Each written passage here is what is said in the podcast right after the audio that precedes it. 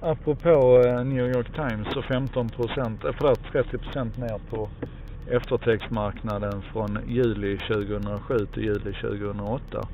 Min teori om att vi i takt med att vi har sett upplagorna minska, räckvidden minska, har sålt mycket hårdare än vad vi tidigare har gjort. Alltså tesen är att vi har sett till att driva upp värderingen på varje enskilt ex av papperstidningen till en gräns där det brister. Och när det brister så brister det så in i helvete. Jag menar titta på New York Times.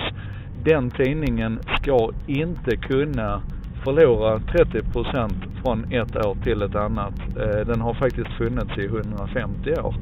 Då är det ju någonting som är riktigt galet. Och det som är galet är att när marknaden genomskådar oss, eh, när marknaden gör analysen på riktigt, så är jag rädd för att många av dem kommer fram till den slutsatsen som vi ser effekten av på New York Times.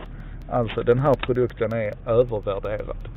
Och eftersom vi då sitter i en situation eh, där vi är livrädda för att, att rea ut oss, ge oss in i ett priskrig, så får det den här effekten. Alltså vi kan inte möta marknaden när de sätter sig ner och analyserar vad är papperstidningen egentligen värd. Och då går botten ur.